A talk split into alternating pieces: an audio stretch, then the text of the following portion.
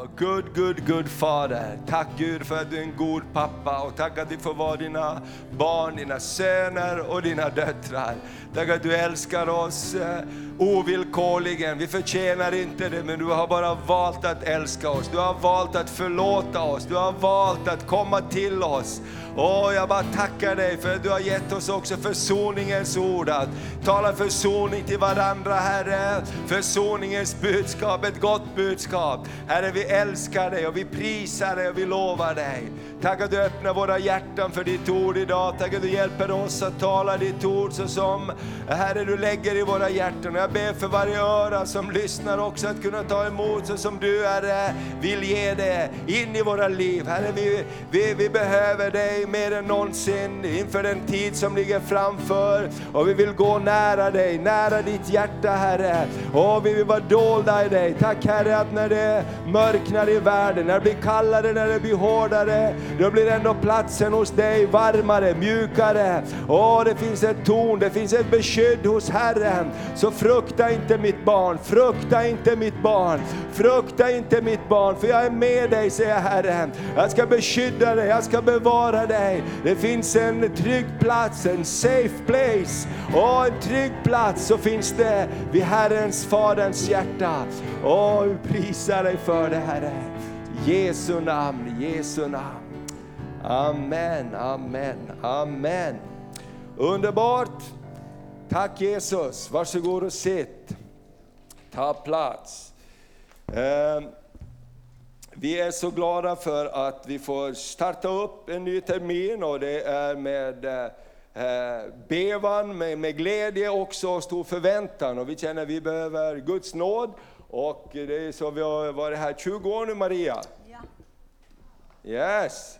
det stämmer bra det. Amen! 20 år, vilken grej! Amen. Så det betyder att vi behöver nåd och du behöver nåd. Vi behöver nåd att leda och tala och du behöver nåd att lyssna. Verkligen. Men det är härligt och det är gott och vi, vi tror att vi har ett spännande, spännande år framför oss och vi är så glada också att vi får gå in i en ny termin med ett utökat herdeteam. Vi har ju visionssöndag eh, idag, vi ska tala lite tillsammans och eh, det är ett bibelord som kom, som står längst ner här.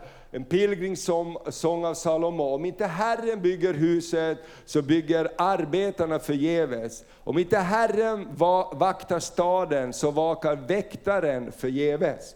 Och det här tror jag sammanfattar väldigt bra också vad ett församlingsarbete är. Vi, vi, vi behöver ett, ha ett samarbete, starkt beroende och ett samarbete med himmelens Gud.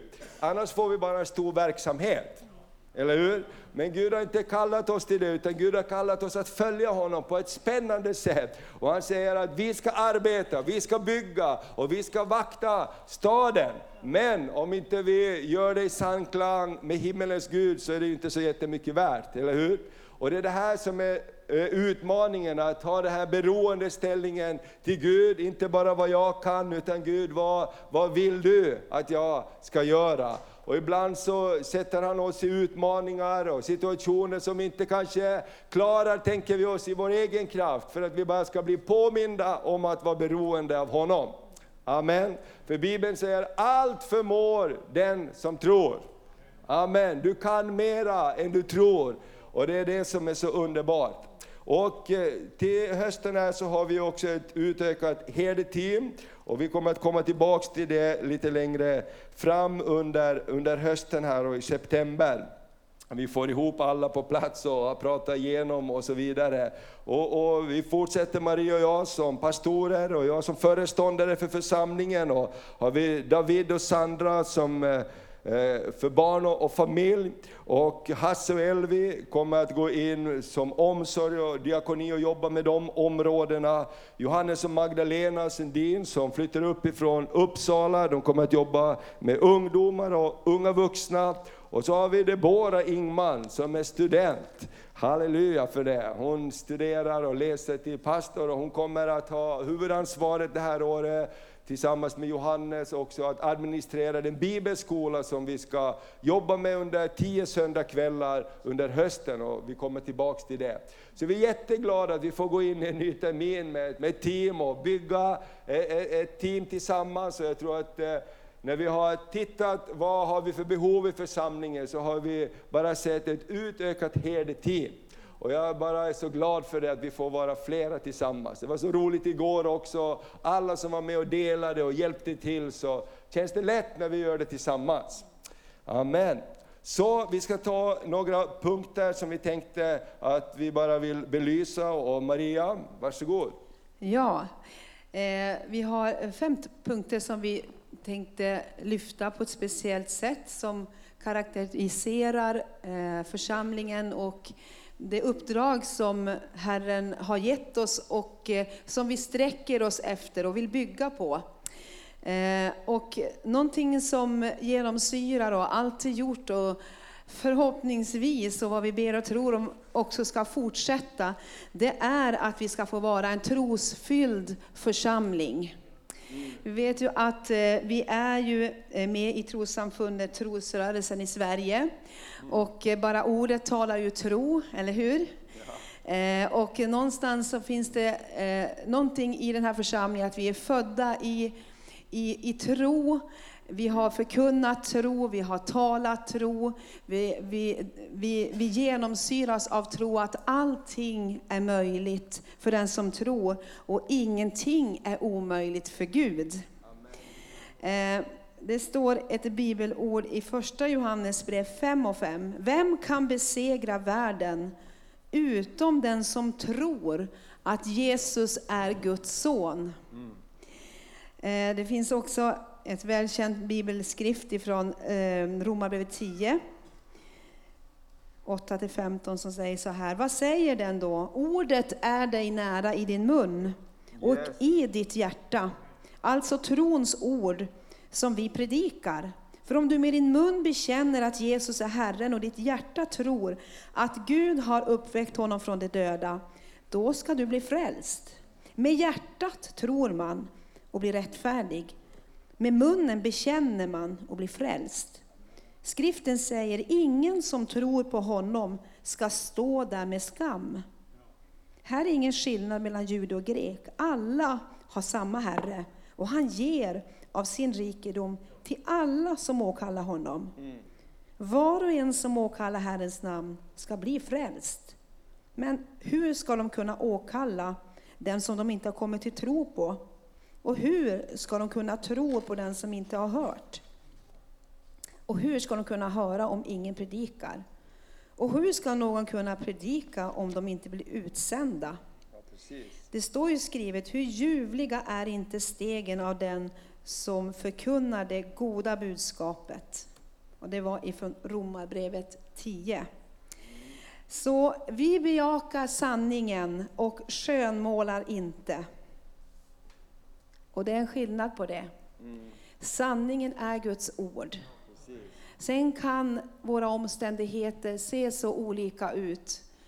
Men vi kan i alla omständigheter bekänna ut och tala ut vad Gud säger. Amen. Än om verkligheten ser annorlunda ut. Och det ger oss hopp och det ger oss tro i alla olika situationer. Eh, ingen människa och ingen situation är omöjlig för Gud. Det tror vi på.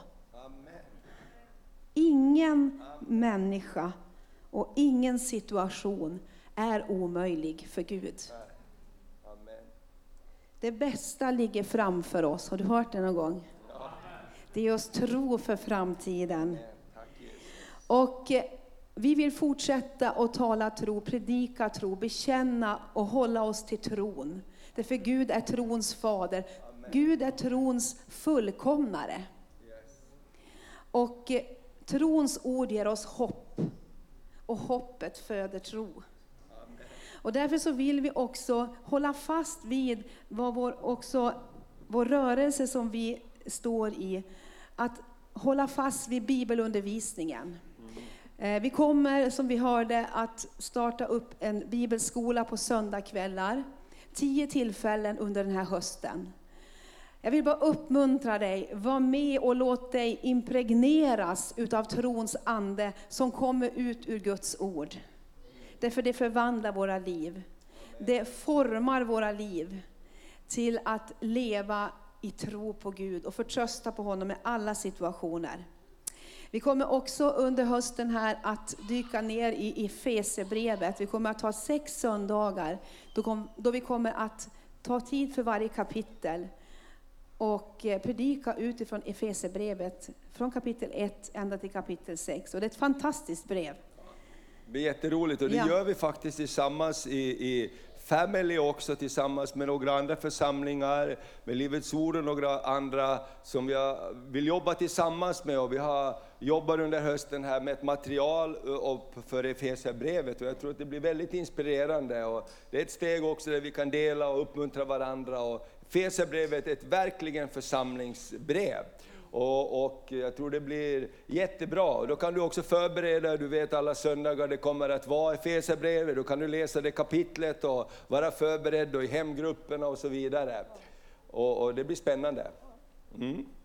Bra! Den andra delen vi vill eh, också att ska prägla församlingen, det är att vi ska få vara en, en utåtriktad församling. Och eh, därför att det, det, finns alltid en eh, utmaning att vara utåtriktad. Det står i det här bibelordet ifrån Markus och också Matteus, där missionsbefallningen är, gå ut i hela världen och förkunna evangelium för hela skapelsen. Det finns någonting alltid som utmanar oss i att ta det lite lugnt och stanna hemma och, och ja, vara för oss själva. Eller hur? Gå ut i skogen en extra varv. Där bara du är. Men det finns någonting mer också, att få vara en utåtriktad församling. Det finns eh, missionsbefallningen och eh, Ehm, nästa bild där, en, en vi vill vara en församling som är öppen för, för alla människor. Och det här tror jag att det är jätte, jätteviktigt. Vi är inte en församling för vissa människor, vi vill vara en församling som är öppen för alla människor. Därför att vi har fått anförtrott oss försoningens ämbete. Och det står så här i Andra Korinthierbrevet 5, ehm, så står det så här, ty Gud var i Kristus och försona världen med sig själv han tillräknar inte människorna deras överträdelser. Och det ska inte du och jag heller göra det. Utan han har anförtrott oss försoningens ord. Vi är alltså sändebud för Kristus. Det är Gud som förmanar genom oss. Vi ber å Kristi vägnar, låt försona er med Gud. För den som inte visste av synd, han, honom har Gud i vårt ställe gjort till synd, för att vi honom skulle stå rättfärdiga inför Gud. Och jag tänker på det här temat som vi har haft på församlingsdagen också, älskad, kallad och utvald. När det gäller en, en utåtriktad församling måste ha sin utgångspunkt i att alla, precis som tron, Gud har inga omöjliga människor. Eller hur? För Gud är allting möjligt. Amen. Och det är så också med en utåtriktad församling. Det finns bara fantastiska människor som Jesus älskar och som Jesus har förlåtit. Amen. Och det, det är så underbart att vi ska ha den inriktningen. Och, och eh, vi också vill vara en församling som välkomnar alla nationaliteter. Därför att vi kommer in i en omvärld och vi har ett kallare klimat i samhället och det kommer att öka, det kallare klimatet i samhället. Och då tror jag det är ännu viktigare att vi som Guds församling är en varm församling, är en öppen församling. Amen. Därför att det är oberoende vilket land du kommer ifrån, när vi står inför tronen så kommer det inte att vara olika rum för olika länder. När vi står inför tronen en dag, inför Jesu tron, så ska vi stå sida vid sida. Amen. Och tänk vad jobbigt om vi har haft en attityd att den är så, den är så, den är så. Nej, i Guds församling är vi bröder och systrar oberoende varifrån vi kommer. Och jag tänker det här är extra viktigt nu, därför att det, det, blåser, det blåser kalla vindar i hela Europa och eh, det blir, det blir tuffare. Och eh, bland annat så, så tänker jag på våra, våra judiska vänner, överlevare, som vi har vänner som säger att vi, vi, är, vi, vi känner igen vinden, vi känner igen atmosfären från, från den tiden när det blev så, så svårt. När det blev så svårt i Europa, hoppeligen ska det aldrig någonsin bli så igen. Men känslan, vindarna, atmosfären finns där. Och då är det jättesvårt för oss att säga, nej men så är det inte alls. Vem är vi att säga det? Precis så sa de till då när de var unga också, det är inte alls som ni tror.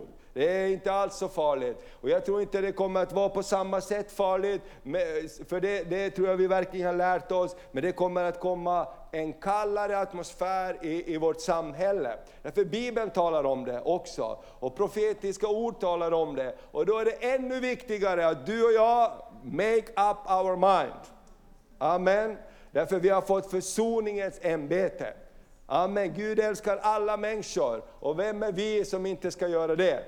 Och jag tänker så här, det här med mission också, det är så viktigt. Vi ber för människor över hela världen att vi ska nå ut med evangelium. Idag finns människor över från hela världen i Sverige. Idag finns människor från alla de länder som är nästan omöjligt att nå in i. Och låt oss bara fyllas av kärlek och tro att betjäna de här människorna och predika evangelium.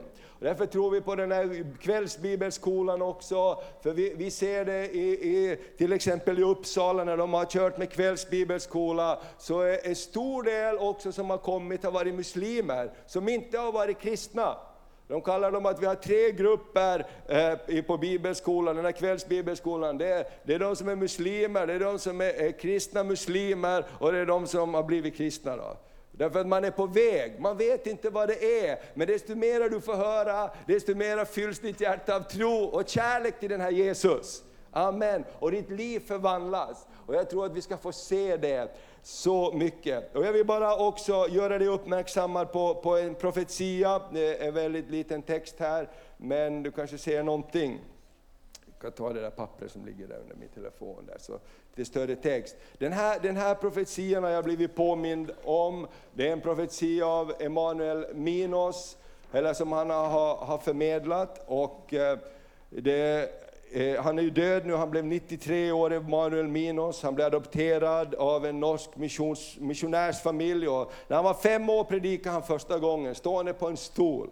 Predikade han och han växte upp och han blev teologie doktor. Men han var en man som, som var också eh, samlade skor, stora skaror, men hade en profetisk känslighet ända fram till sin död faktiskt. Och i hans, en av hans senaste böcker, Ta plats, dörrarna stängs, så lyfter han fram profetiska ord som, som han har fått till sig och, uh, under, under sin tjänst. Och det här var ett, ett tilltal han fick eh, uh, 1968 och det här profetiska budskapet som en gammal kvinna gav honom, det var så, så märkligt så han tänkte det här kan jag inte tala om, det här, det här är så konstigt. Hon talar om att det ska finnas TV som kommer att vara som en radio, som man bara kan skruva in hur många kanaler som helst.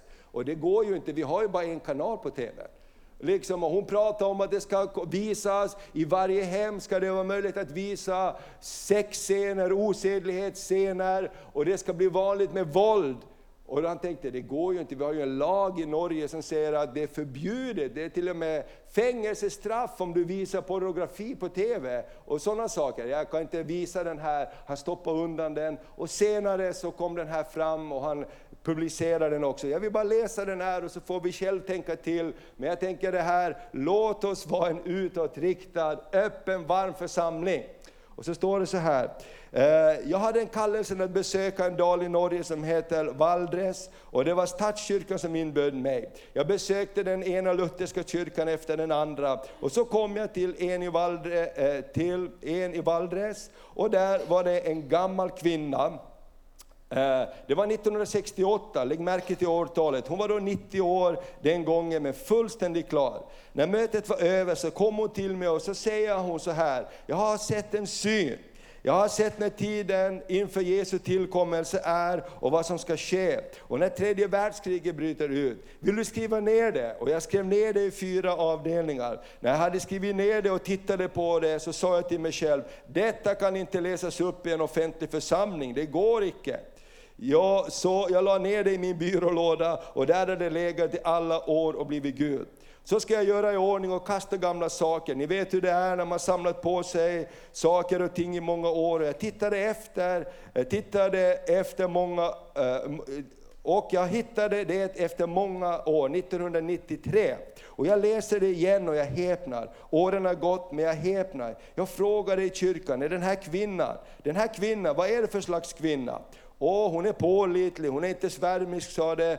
Eh, hon är inte så där överandlig, hon är oerhört pålitlig. Och hon sa till mig, jag har aldrig sett en syn förut. Detta är den enda syn jag har fått, det enda budskap jag har fått på det här sättet. Och det här är synen som den 90-åriga kvinnan berättade för Emanuel Minos 1968 fred och nedrustning. Jag fick se världen som en karta som blev upprullad framför mig.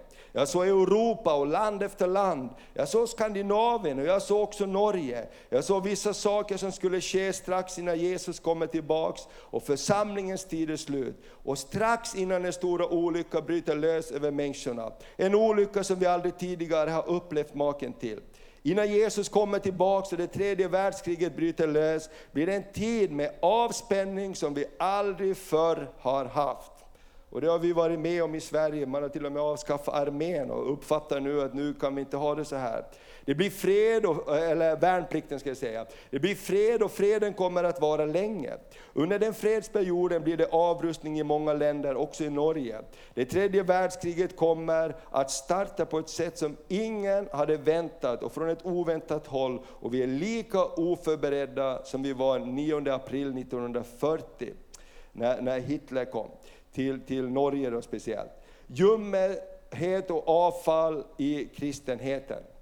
Jag såg att det kommer en ljumhet utan motstycke bland kristna. Ett avfall från sann och levande kristendom. De kristna kommer inte att vara öppna för rannsakande förkunnelse tiden före Jesu återkomst. De kommer inte att lyssna om synd och nåd, lag och evangelium, bot och bättring. Istället kommer en annan slags förkunnelse, en slags lyckokristendom. Det gäller att bli framgångsrik och nå fram. Det handlar om materiella saker på ett sätt Gud aldrig hade lovat det. Kyrkor, frikyrkor och bönehus blir mer och mer tomma. Istället för en förkunnelse om att ta sitt kors och följa Jesus, blir det underhållning, konst och kultur. Där det skulle vara väckelse, nöd och omvändelsemöten. Detta kommer att ske i stor utsträckning strax innan Jesus kommer tillbaks och olyckan bryter lös över oss. Och, och vi bara kan se hur, hur det ser ut. Eh, moralupplösning i samhället. Och det blir en moralupplösning som Norge inte har sett maken till. Folk kommer att leva som gifta utan att vara gifta. Det blir stor orenhet eh, före äktenskapet och det blir mycket otrohet i äktenskapen. Ja, också i de kristna äktenskapen gör sig otroheten gällande och det blir upplösta. Också perversa synder, synd mot naturen, börjar att utbredas och det blir till och med godtagna i kristna kretsar. Och jag tänker 1968, inte undra på att han sa den här profetian kan jag inte läsa upp när jag åker kring i kyrkorna. För då var det helt främmande det här.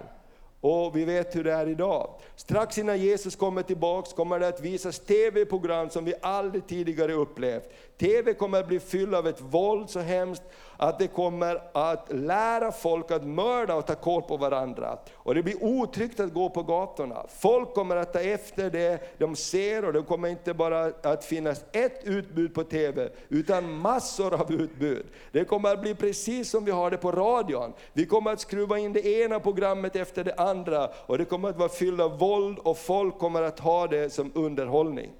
Och jag förstår honom när det fanns bara en kanal och kvinnan säger det kommer att vara som på radion. Idag vet vi alla, vi har hur många kanaler som helst. Eller hur? De värsta tänkbara scenerna av mord och våld mot varandra kommer att visas och det kommer att sprida sig i samhället. Det kommer att visas samlagsscener. De mest intima saker som sker i ett äktenskap kommer att visas i rutan. Det kommer att ske och du riktar till Emanuel Minos, du kommer att se det uppfyllas. Lagar som vi nu har kommer att brytas ner och det mest osedliga kommer att visas mitt framför våra ögon. Invandring och det tredje eh, världskriget. Folk från fattiga länder kommer att strömma in i Europa. Vad har det hänt de senaste åren? De har strömmat in. Det kommer också till Skandinavien och Norge. Folk kommer att ogilla att det är här och kommer att vara hårda mot dem. Det kommer mer och mer att bli behandlade som judarna blev innan kriget. Då är måttet för våra synder nått. Detta kommer att ske strax före Jesu återkomst och det tredje världskriget bryter ut. Kriget som börjar som en liten konflikt, en obetydlig konflikt, men det slutar inte där. Det tilltar och breder ut sig. Till slut utvecklar det sig till ett stort krig. Mot slutet av det stora kriget det blir det fruktansvärda vapen som tas i bruk, bland annat atomvapen. Luft, jord och vatten blir förgiftade och ödelagda. Luften kommer att bli förorenad och det är omöjligt att andas den. Och det kommer att drabba flera nationer, Amerika, Europa, Japan, Australien, de rika länderna. Vattnet kommer att förstöras, vi kan inte bruka jorden där. Resultatet blir att en liten rest blir kvar och de som finns kvar i de rika länderna kommer att försöka fly till de fattiga länderna som inte är skadade. Men de kommer att behandla oss som vi har behandlat dem och inte vara så villiga att ta emot det, ta emot. Och jag är glad, säger kvinnan, att jag inte får uppleva detta, men när tiden närmar sig måste du ta mod till dig och resa runt och varna och berätta för folket eh, detta som jag har sett. Och jag vet inte, det är upp till var och en att bedöma och, och, och eh, pröva profet, profetiska ord och, och så alla ord i en profetia, inte Guds ord, men det är intressant att ta till sig och ändå jämföra vad som har hänt. Man sa också att innan Jesus kommer tillbaka kommer Norge att vara ett av de rikaste länderna i världen. Och då skrattar man, för Norge hade ingen olja då. Norge var jättefattigt.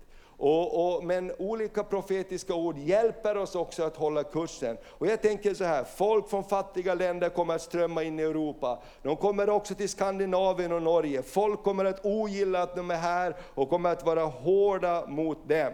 Och då tänker jag så här, det ska inte ske i församlingen. Amen.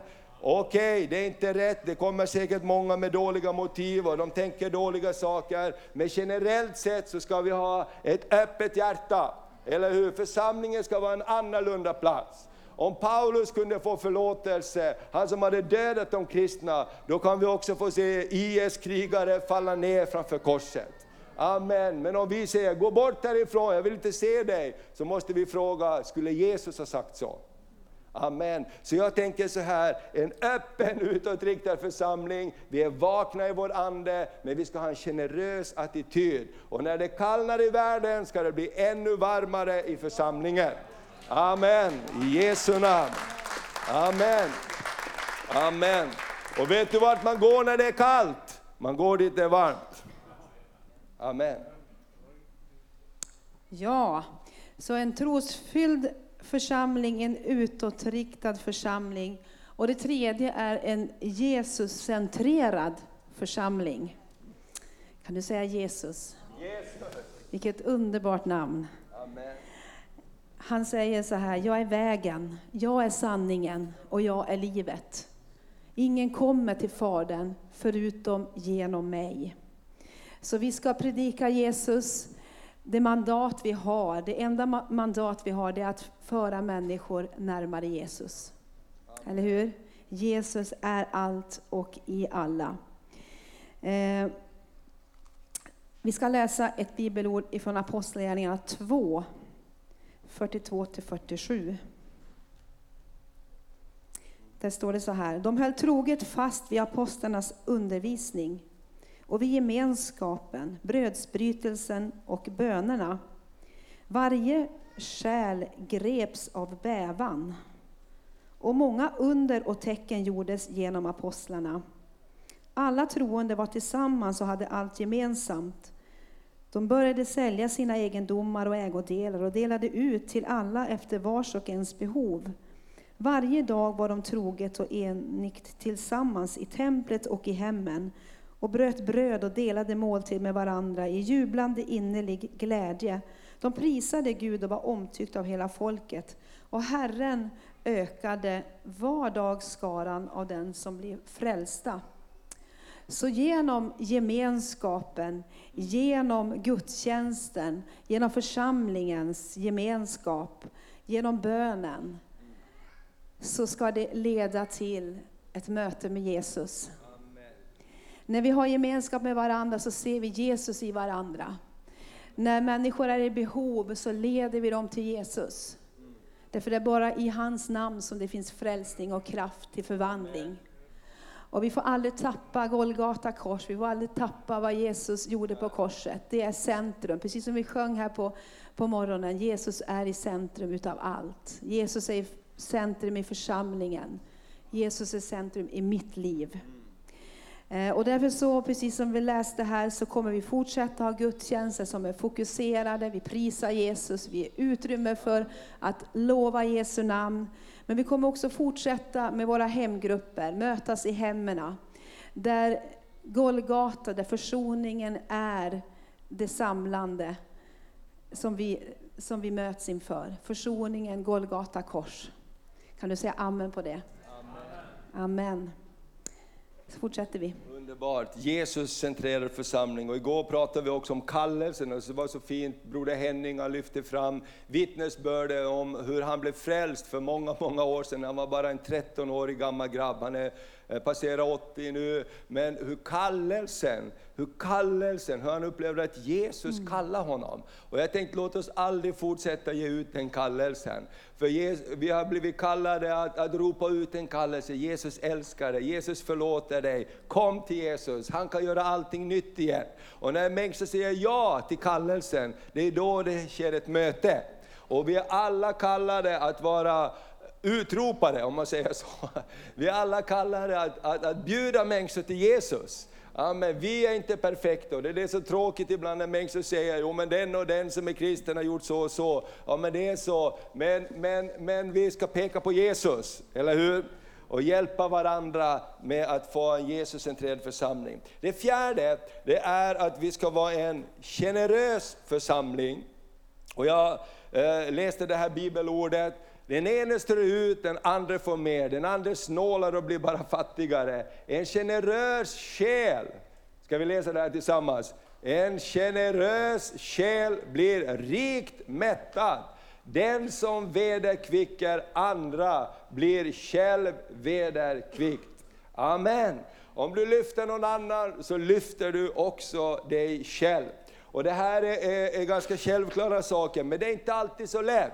Därför vi är, vi är egoister innerst inne. Eller hur? Hoppas inte någon tar mina godisar. Det är bara fem kvar nu, hoppas ingen kommer in och tar dem. Bert-Ove kände igen sig där, det var bra. Alla någonstans inne är vi. Vi vill vara i fred och vi önskar, hoppas ingen, ingen ringer på dörren just nu eller någonting sånt. Vi sitter någonstans och, och vi vill bara vara lugna. Och du vet att det där att vi får vidga våra hjärtan och vara generösa. Amen. Och det handlar inte bara om pengar, men det handlar om våra hjärtans attityd också. För det du ger, det kommer tillbaks till dig. Och vi ska vara generösa, och vi pratar om att vi ska vara termostater och inte termometrar. Kan du säga till din granne, du ska vara en termostat. Du ska vara en termostat. Amen. Säg till en annan, du ska inte vara en termometer. Nej, en termostat det bestämmer temperaturen. En termometer går bara runt och checkar av. Hur var det? Hur var det? Jag var kallt idag, varmt idag, kallt idag, varmt idag. Nej, vi är termostater. Halleluja, vi ska hjälpa varandra att skruva upp äh, värmen. Amen, okej. Okay. Bra, vi går till sista punkten. Ja, så det här får vi träna oss i, att vara utåtriktade. får vi uppmuntra varandra när vi möts. Mm. Eh, det femte då, det sista här, det är att vi ska vara en generationsförsamling. Och det här har vi pratat en hel del om under förra året mycket. Eh, det står ett bibelord. Jag är Abrahams Gud, jag är Isaks Gud och Jakobs Gud. Jag är inte det dödas Gud, utan det levandes Gud i Matteus 22, 32. Så här talas om att han är alla generationernas Gud. Amen. Amen.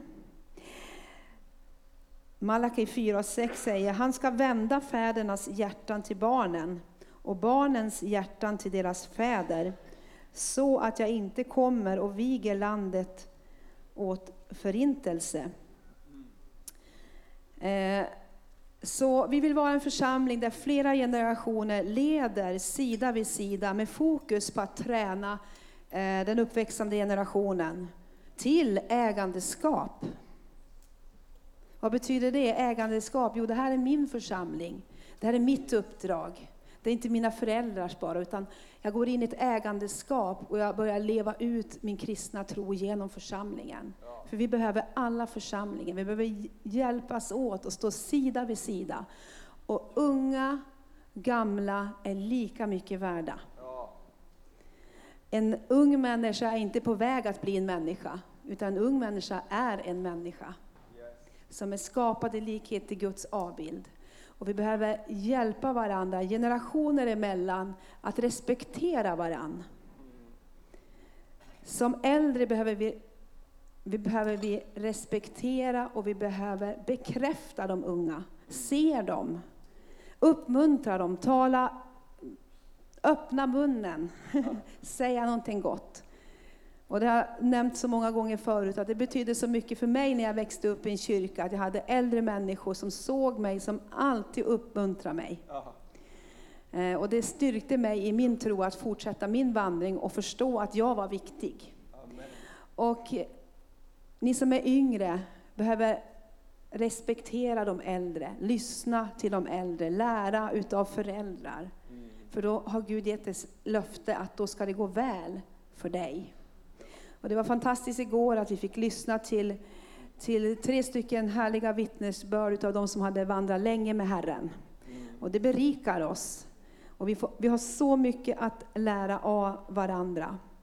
Så därav så tycker vi det är så fantastiskt också nu att vi har sträckt oss ut och vi nyanställer en ungdoms en, en ny i herdeskapet för ungdomar och unga vuxna. Mm. Som ska ge tid, engagemang och hjälpa till och planera och stötta de ungdomar som redan gör ett fantastiskt jobb men ändå får finnas som en stöttning och få, få vara en herde för dem. Mm. Så det här är vi så glada för och vi, vi, vi, vi bara väntar på att Johannes och Magdalena ska flytta upp. Ja. Han kan be för dem, de söker ett hus och, att de ska hitta rätt hus mm. och det ska klaffa bra. Ja. Mm. Så om två veckor så kommer Johannes upp och träffar ungdomarna speciellt och mm. han kommer vara med också på, på gudstjänsten. Mm.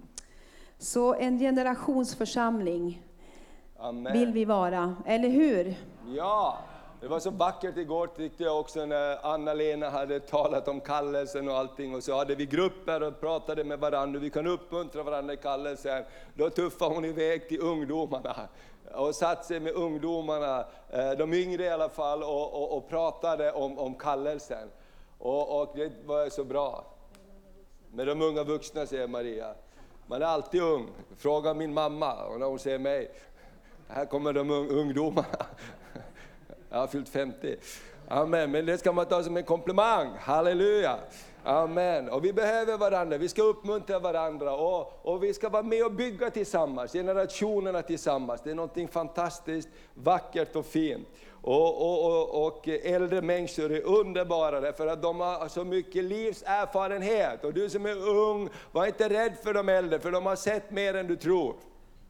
De har hört mer än du tror. De blir inte så chockade över grejer, utan de kan stå med dig och, och, och, och vara fantastiskt uppmuntrande. Det var ju den där grannen som du hade som uppmuntrade dig så mycket när du åkte till Amerika. Berätta om det, jag tycker det är så härligt. Ja, jag hade, när jag växte upp så hade jag en granne som bodde mitt över och hon var eh, pingsyster och eh, väldigt så här eh, härlig, fylld utav eld och och, och liv. Och eh, Gud lade... Och du var en EFS-syster? Jag var en EFS-syster, ja. ja. Och Gud lade mig på hennes hjärta. Eh, och eh, hon bad för mig väldigt mycket och eh, jag började förstå det efter ett tag och, och sådär. Och, och, eh, hon sa till min mamma att ja, din Kristina ja, och Rickard, ja, de är underbara, men det är något speciellt med Maria. Jag ber varje dag för henne. Och, jag var ju en sån här sportfåne som alltid tävlade och, och, och, och liksom, det är jättebra, man behöver inte vara fåne för att sporta, men jag var väldigt åt det hållet så att det var bara det liksom. Tills Gud bara rörde vid mitt hjärta och jag fick se någonting mera. Mm. Så varje gång jag packade in skidorna och for på tävlingar så stod hon i fönstret och bad för mig. Gud möt henne, Gud kom. och Gud gjorde ju det. Och, och sen så började jag få liksom mer samtal med henne och så när jag gick ut gymna, eh, gymnasiet så bara fick jag, sån, fick jag ett erbjudande att åka till USA och jobba som barnflicka. Och då tänkte jag, vad ska jag säga till tant Dagmar om det? Att jag ska gå till USA som barnflicka, liksom. det, är väl, det, är väl, det är väl inte det hon har tänkt. Men på något sätt så fick jag det sagt till henne och hon jublade. Och hon var så glad, men så fantastisk. Du ska tränas för missionskallelsen. Yes! Amen. Så halleluja, det finns så många eh, härliga, underbara människor som ber för den unga generationen och som ser någonting mera än vad, än vad andra ser. Mm. Amen. Och vi är så glada att vi har skola och förskola. Och nu i höst, nästa vecka när vi startar, så det är rekordmånga som startar i skolan. Jag tror det är 110 elever som startar plus de tre förskolorna. Så bara fortsätt be. Och det är också en connection till familjer, många som inte är aktiva i kyrkan. Låt oss bara Tro det här året att vi ska få djupa och fina kontakter och få visa människor till Jesus. Hela familjer som ska komma till, till, till tro och börja gå med Gud. Mm. Amen. Och så är vi så glada över David och Sandra också som är med och bygger eh, i barnarbetet. Så Amen. kom ihåg dem också i bön. Och vi är så tacksamma över lägret som har varit i veckan. Att vi får plocka upp lägret igen, det är inte fantastiskt? Ja. Så, så vi fortsätter också med våra barn. Amen. Så bra! Ja. Och nu ska vi ta och lyssna på Maria lite grann. Amen, välkommen Maria. Maria Ingman. Mm.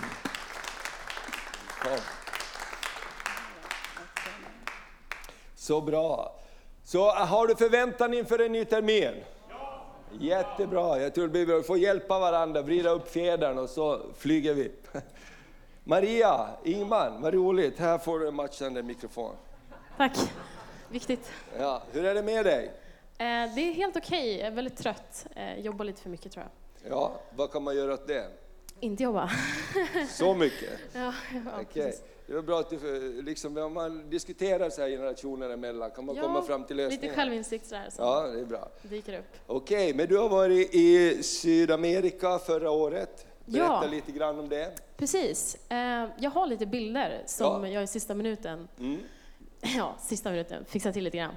Eh, men jag var alltså i Bolivia eh, i Sydamerika och jag hoppas att ni vet vart Sydamerika ligger. Och jag hoppas att ni vet att Bolivia ligger i centrala Sydamerika, i mitten typ. Eh, och ja, jag vet inte, jag ser alla. Och det här är alltså Bolivia. Och jag ser att Lova är här också. Hon var ju också med, fast hon var på ett annat ställe. Och förresten, eh, jag heter ju Maria och jag är Mats Susannes dotter, ifall ni inte vet. Jag är här för sällan för att alla ska veta, kanske, jag vet inte. Det är så hemskt, men ja. Men jag var alltså i Sydamerika, i Bolivia, i Cochabamba. Eh, om ni ser här, i den eh, lilla pricken här. Där var jag i nio månader, eller ja, typ sju, för att man åkte ju på andra ställen också kanske. Eller ja, Ja, och eh, så här ser Bolivia ut. Eh, det är ett fantastiskt land, fast utan hav. Vilket är lite random egentligen. Men eh, ja, du kan ta nästa bild. Eh, här var de tjejerna som åkte eh, till, i, i mitt team då. Vi var fyra tjejer och jag gick alltså en typ av missionsskola slash bibelskola. Eh, och då fick vi vara en församling och ha praktik där, eh, samtidigt som vi skulle ha ett socialt arbete och så vidare. Och så vidare. Men jag kommer vidare till det. Men det var vi fyra som åkte. Eh, Emma, Evelina, jag och Therese. Eh, och det där var vi i församling. Och det här var faktiskt, jag hade lite så här, eh, när jag skulle välja bilderna till det här, eh, så hade jag väldigt ont om bilder för att jag, jag har haft mycket telefonproblem. Och däremellan så har jag inte kunnat ha bilder och senare, men de här lyckades jag hitta. Så det här är egentligen när vi ska åka därifrån. Det var inte när vi kom dit, men det är vi fyra i alla fall. Eh, vi kan ta nästa bild. Eh, det här såg man inte så bra, det är lite mörkt, men eh, där är vi på det här sociala projektet då, som, vi, som heter Fannika.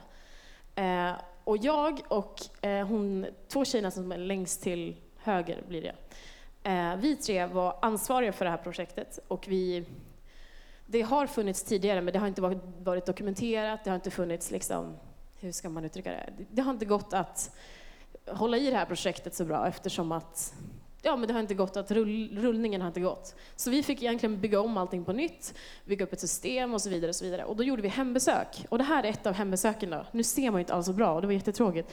Men det är en familj där till vänster. Eh, och de hade jättesöta valpar överallt. och vi vill ju ha allihop, men det får man inte. Men eh, ja, så det var bara ett exempel på att vi åkte hem till då familjer och när vi var hos familjerna så berättade vi lite grann om Jesus, berättade vilka vi var, att vi trodde på Gud och så eh, umgicks mest med barnen för att hela projektet handlar om barn som är på en kyrkogård. Om du tar nästa bild. Eh, ja, ja, det här är bara ett exempel på typ hur vi tar oss till hembesöken. Att ibland så är ingången en trappa upp som ser ut sådär. Eh, och det var väldigt kul för att alltså, det var ju så här, typ ett stup där.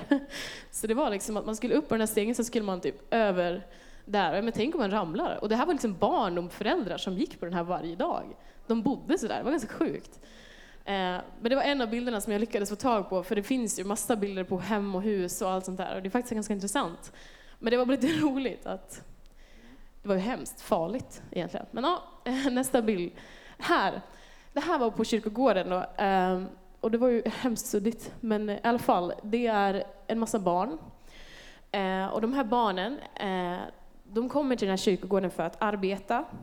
För det är, det är ganska stort inom katolicismen att man går till eh, gravarna och ber för dem eller sjunger för dem och att man liksom, ja, typ lägger små saker och sånt här för att man tror att ja, men det är helgon som, ja, allt det där. Vi kan ta en sån lektion nästa gång eller något sånt, men huvudsaken är att barnen kommer dit för att då få lite pengar för att de sjunger för gravarna eller att de ber för gravarna eller vad de nu gör. Liksom. Eller att de rengör graven eller så. Eh, och det är för att de ska kunna gå i skola eller för att de ska kunna, jag vet inte, vissa kanske Försörja sin familj, det vet man inte. Och man försöker ju få ett förtroende så man kan prata med barnen, men det är inte alltid det funkar. Och vissa barn har det lite bättre eh, och de bara kommer dit för att de själva vill ha lite pengar istället för att... Men ändå. Eh, och vissa av de här barnen har ju liksom samma kläder varje gång vi ser dem. Och vissa, eh, för det här är liksom typ mellansnåret, antingen så jobbar man på den stora kyrkogården i Cochabamba liksom, eller så är man på väg till att hamna på gatan. Och det är extremt mycket människor som sniffar lim och de bara ligger var som helst eller så. Och jag menar, för mig var det lite så här, från att jag växte upp i en svensk kultur och ett svenskt samhälle och att inte fått uppleva det så, så, i alla fall här i Övik, att man inte fått uppleva det så markant. Att bara oj, det ligger en människa framför mig och jag kan egentligen inte göra så mycket heller. Jag kan hälsa på den men då kanske den vill typ bara ha pengar av mig eller så vill den att jag ska prata med den. Jag vet inte, man vet aldrig vad man... Och det är, så, det är lite läskigt tycker jag att det finns så påtagligt och därför tycker jag, så här, parentes, men mission, åka ut och se. Ja, nej men, så det var tråkigt att det var så suddigt, men det är några barnen och det här arbetet då som vi höll i och, och gjorde. Eh, och där är ett barn, nu också suddig bild, men hon är jättegullig och hon har jättestora glasögon på sig och hon sprang runt där och tyckte det var jättecoolt. Det var så här modevisning och satt på sig våra kläder som om vi hade med oss en extra tröja eller något. det var, ja, vi hade jättemysigt med dem. Eh, men vad gjorde jag då? Eh, speciellt förutom i typ kyrkan och så här. Jag spelade i basen. Så nu är jag grym på det. Eller? Eh, men det var så kul för att det var bara killar som spelade lovsången.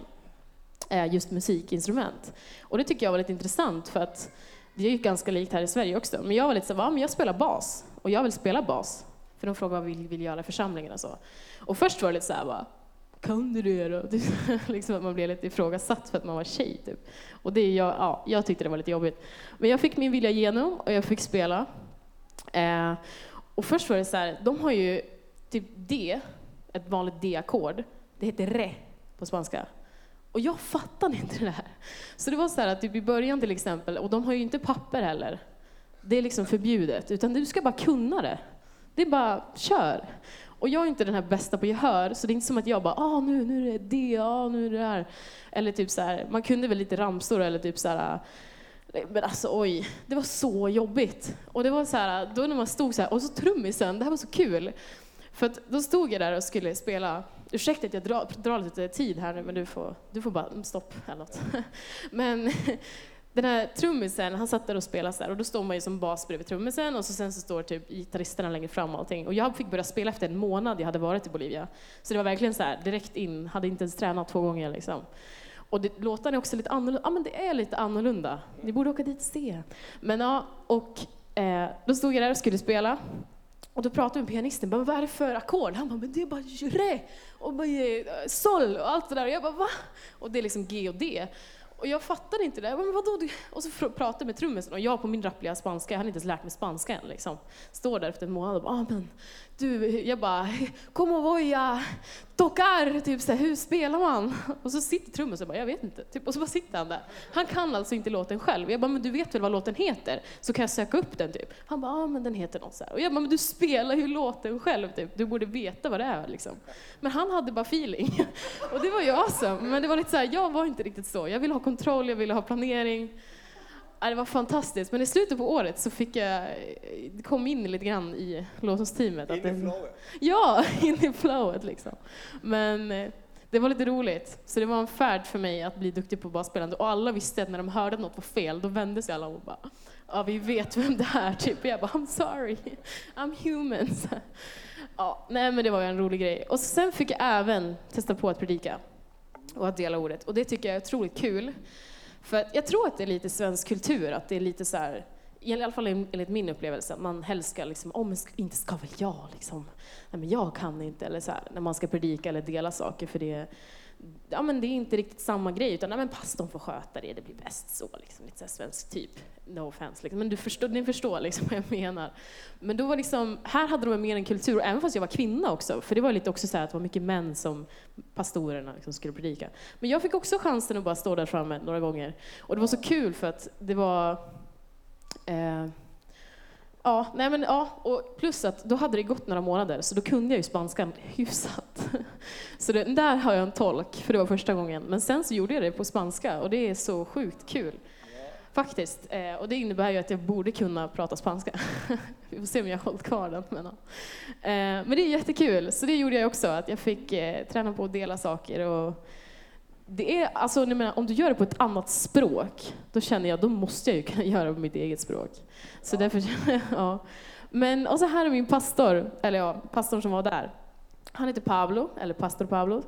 Och han var så rolig, alltså så rolig människa. Och det här är bilden som jag har, som, jag har inte så mycket bilder, men och hans son där, eh, som var bredvid, det är hans son. Ja, det är hans son. och de, eh, de driver liksom församlingen tillsammans och de är fantastiska. Och han är, typ den, han är som min pappa, andra pappa, jag lovar. Nej, men han är verkligen så här, ja, fantastisk eh, människa och jag har haft så kul. Vi har pratat så mycket om livet tillsammans och det är så coolt att man kan träffa människor och känna sig här hemma. Liksom. Och så sen så är det några bilder till bara när vi har umgängen och här drack vi appi och pastell, heter det. Och det är typ en ostgrej och grejer. Och det gjorde man efter kyrkan och bara satt där med ungdomarna. Och vi gjorde mycket resor. Och här ser man lite bakgrund. Jag har lite bilder på hur det ser ut, men det är så vackert. Att det är så, i alla fall i Bolivia, vi skulle kunna prata om Chile, och, för det är så vackert också, men just Bolivia, det jag bara, det är liksom, de har ju ett klimat eh, som är regnskog och det är bara grönt överallt och det är berg och jättefint och massa djur överallt. Men sen har de också den här jättetorra, för det är så sjukt att deras staden La Paz, den ligger på liksom, jag tror att det är 3400 meter eller någonting över havet. Så mina lungor är ju helt paj. Liksom.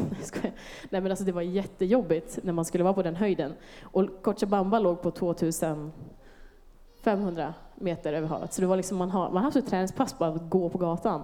Men här så, sen så var tropiken liksom 300 meter över havet. Så det var lite så här, äh, jättecoolt land att vara i. Men nu ska inte jag dra mer om det. Men litet vittnesbörd, lite snabbt. Förlåt. jag, tar, jag bara tar, tar över scenen.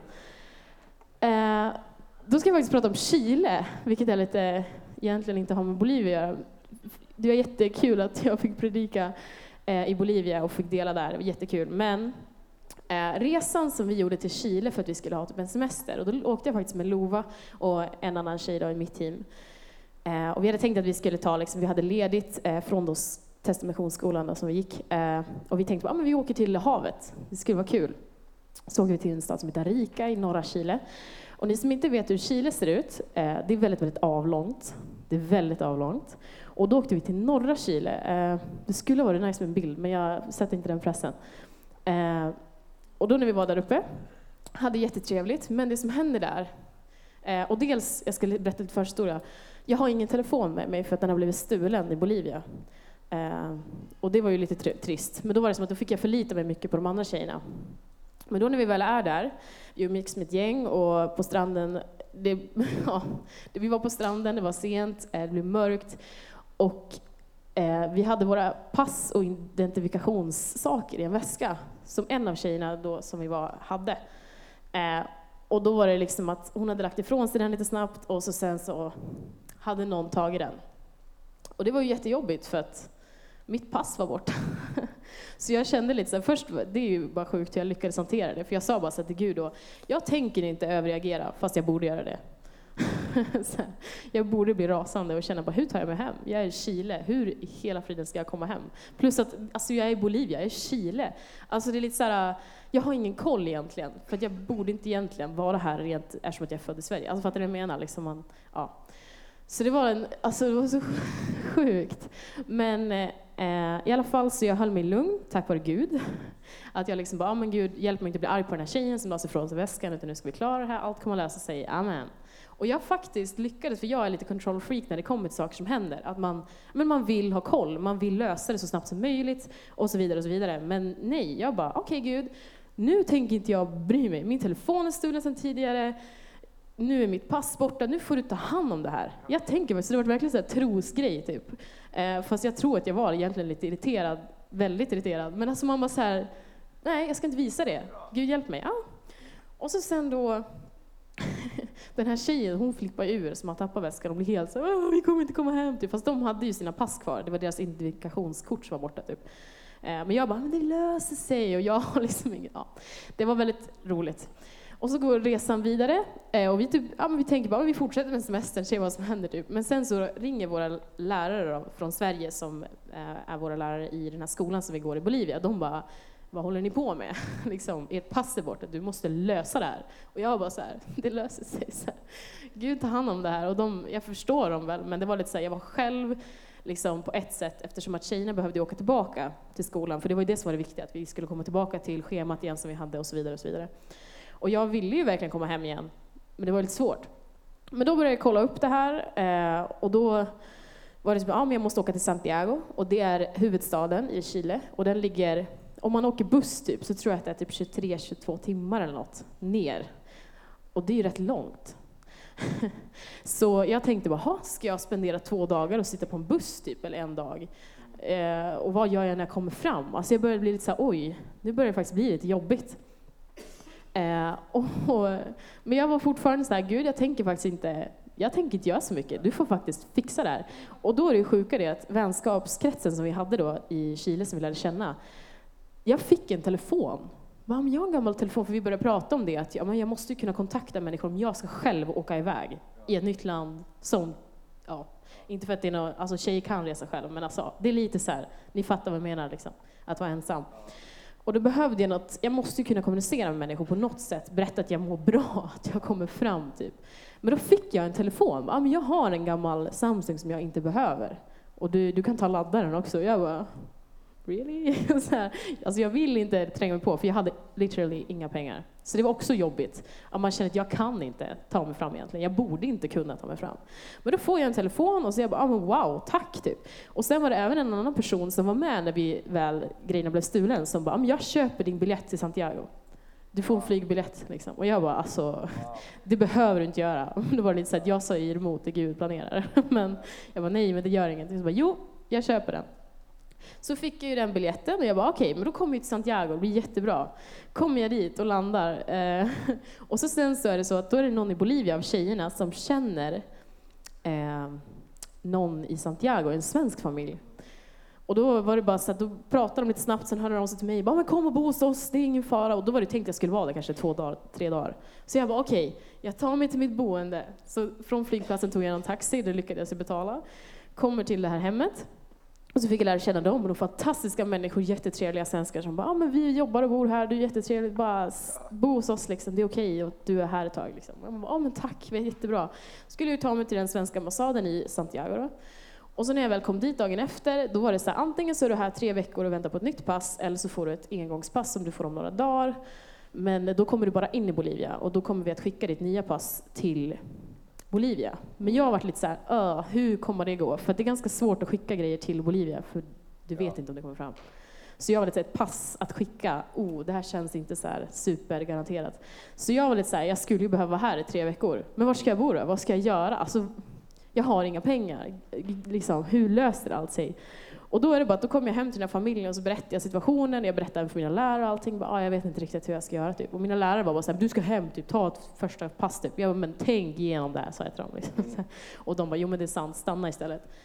Eh, och då blev jag så här, men hur ska jag stanna då? Så pratade vi med familjen och de bara, men stanna hos oss. Och jag bara, Alltså nej, det kan jag inte göra. Jag har gjort för mycket liksom, som svensk också. Men nej, men ska, inte ska väl jag.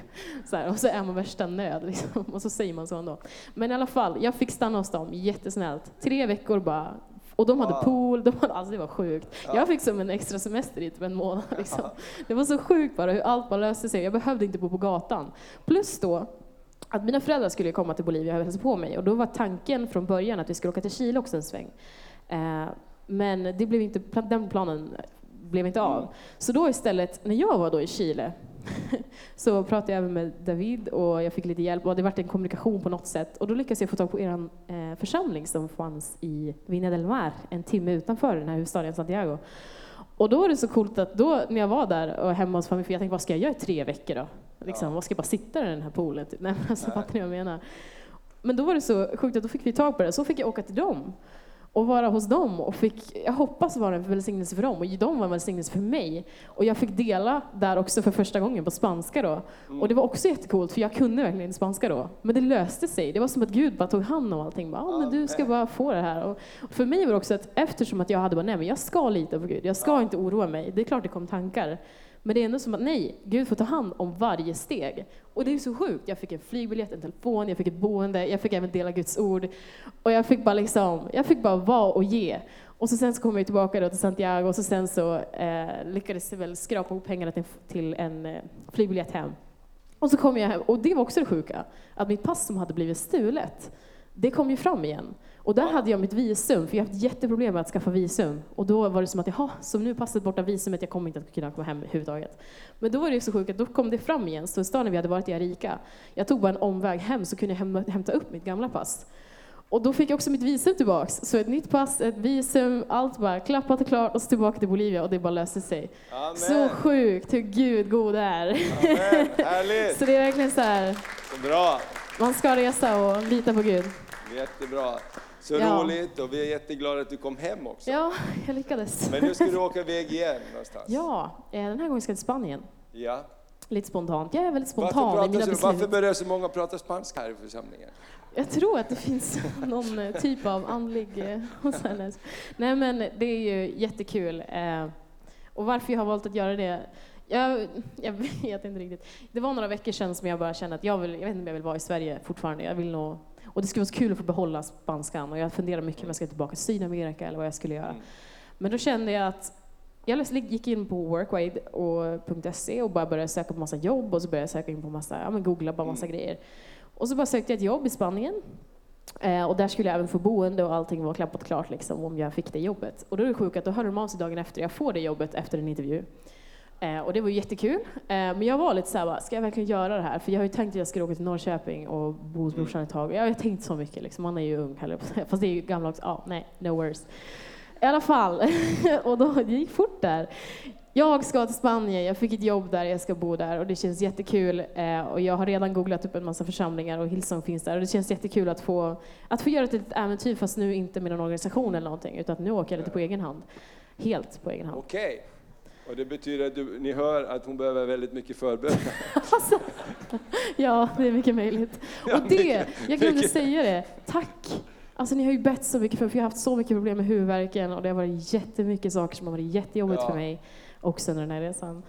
Men jag är så tacksam för vad ni har, att ni har bett. Det märker man. Oj, oj. Jag hade ja. inte klarat mig ur kilo annars. Alltså, oj. Det är så fantastiskt. För det, även om inte jag tänker på att ni ber eller så, mm. så är det ändå som att det märks ju i vad som händer mig och hur jag klarar ja. mig. Så det, jag är så tacksam. Det är wow. verkligen. Vi behöver verkligen alla varann. Ja, verkligen. Och den här visionen, fantastiskt. Ja. Det också jag skulle ha sagt från början, men nu sa jag på Ja. slutet. Ja. Jättebra. Okej, så alla de här nu när du åker ifrån oss så behöver du oss i alla fall. Absolut. Tro mig, jag skulle inte klara Ja, en men det är dag. så spännande, det är så härligt också när vi kommer tillbaks och så håller vi kontakten. Och Gud har sin väg och alla unga människor ska hitta, hitta sitt spår, men det viktigaste är Jesus först. Han säger, Jesus sök centrum." mig Ja. och mitt rike först så ska allt det andra lösa sig. Nu ska vi be för Maria. Ska vi ställa oss upp och räcka ut våra händer mot henne och så ber vi att Gud ska vara med henne, välsigna och bevara henne, beskydda henne på, på resan. I Jesu namn. Herre, vi bara tackar dig för din hand över Maria. Tack Herre för att eh, Maria är vår syster. Hon är uppväxt här ibland oss. Och herre, nu så ska hon ut i livet på olika spår. Tack för det du har planterat ner i henne. Tack Herre för trons ande, för bönens ande. Tack Fader för att också hon är en del av generationerna Herre. Tack Fader för att du lägger Maria på människors hjärta just nu Herre. Att be för henne Herre. Vi bara kallar Maria Herre in i din kallelse. Gud du har en så underbar kallelse. För du har ett destiny Herre för oss var och en. Och jag bara ber Fader att när hon kommer till Spanien då ska du dra henne in i din, i din destiny som matchar perfekt Herre. Och där det finns harmoni, glädje Herre. Tillfredsställelse finns alltid i din vilja och i din närhet. Så välsigna Maria, vi skickar en massa änglar med henne också på färden. Vi tackar dig att vad du har påbörjat i hennes liv, det ska du fullborda. I Jesu namn. Amen, amen, amen. Var välsignad. Amen. Vi älskar dig, du är fin Maria. Alltid välkommen. Underbart. Ingen fara. Ingen fara, vad bra. Okej. Amen. Nu ska du få ta emot Herrens välsignelse. Amen, du kan stå kvar. Ja, du också. Alla ska få emot. Du får stå här kvar också. Om du vill. Du kan gå och sätta dig. Du ska inte gå och sätta dig, du ska stå där. Okay. Amen. Eh, Vi ska avsluta här och eh, efter det här att vi har Herrens välsignelse så är bokshoppen öppen, kaféet öppen. Det finns också möjlighet att få förbön och vi kan eh, spela lite lovsång och musik och bara ta tid inför Herren. Om du har kommit med ett speciellt behov eller önskar förbön så ska vi be tillsammans. Vi vill alltid be tillsammans. Så det var ett böneämne här också eh, med, med bröstsmärta, tänkte du det? Ja, det var ett kunskapens ord. Det finns någon här med bröstsmärtor. Om du har kommit med bröstsmärtor så, så bara låt oss be tillsammans. Herren ser din bröstsmärta. Amen. Så ta emot Herrens välsignelse. Herren välsigne dig och bevara dig. Herren låter sitt ansikte lysa över dig och vara dig nådig. Herren vänder sitt ansikte till dig och give dig frid. I Faderns, Sonens och den helige Andes namn. Så gå i frid och tjäna Herren med glädje. För Gud, han är med dig. Amen.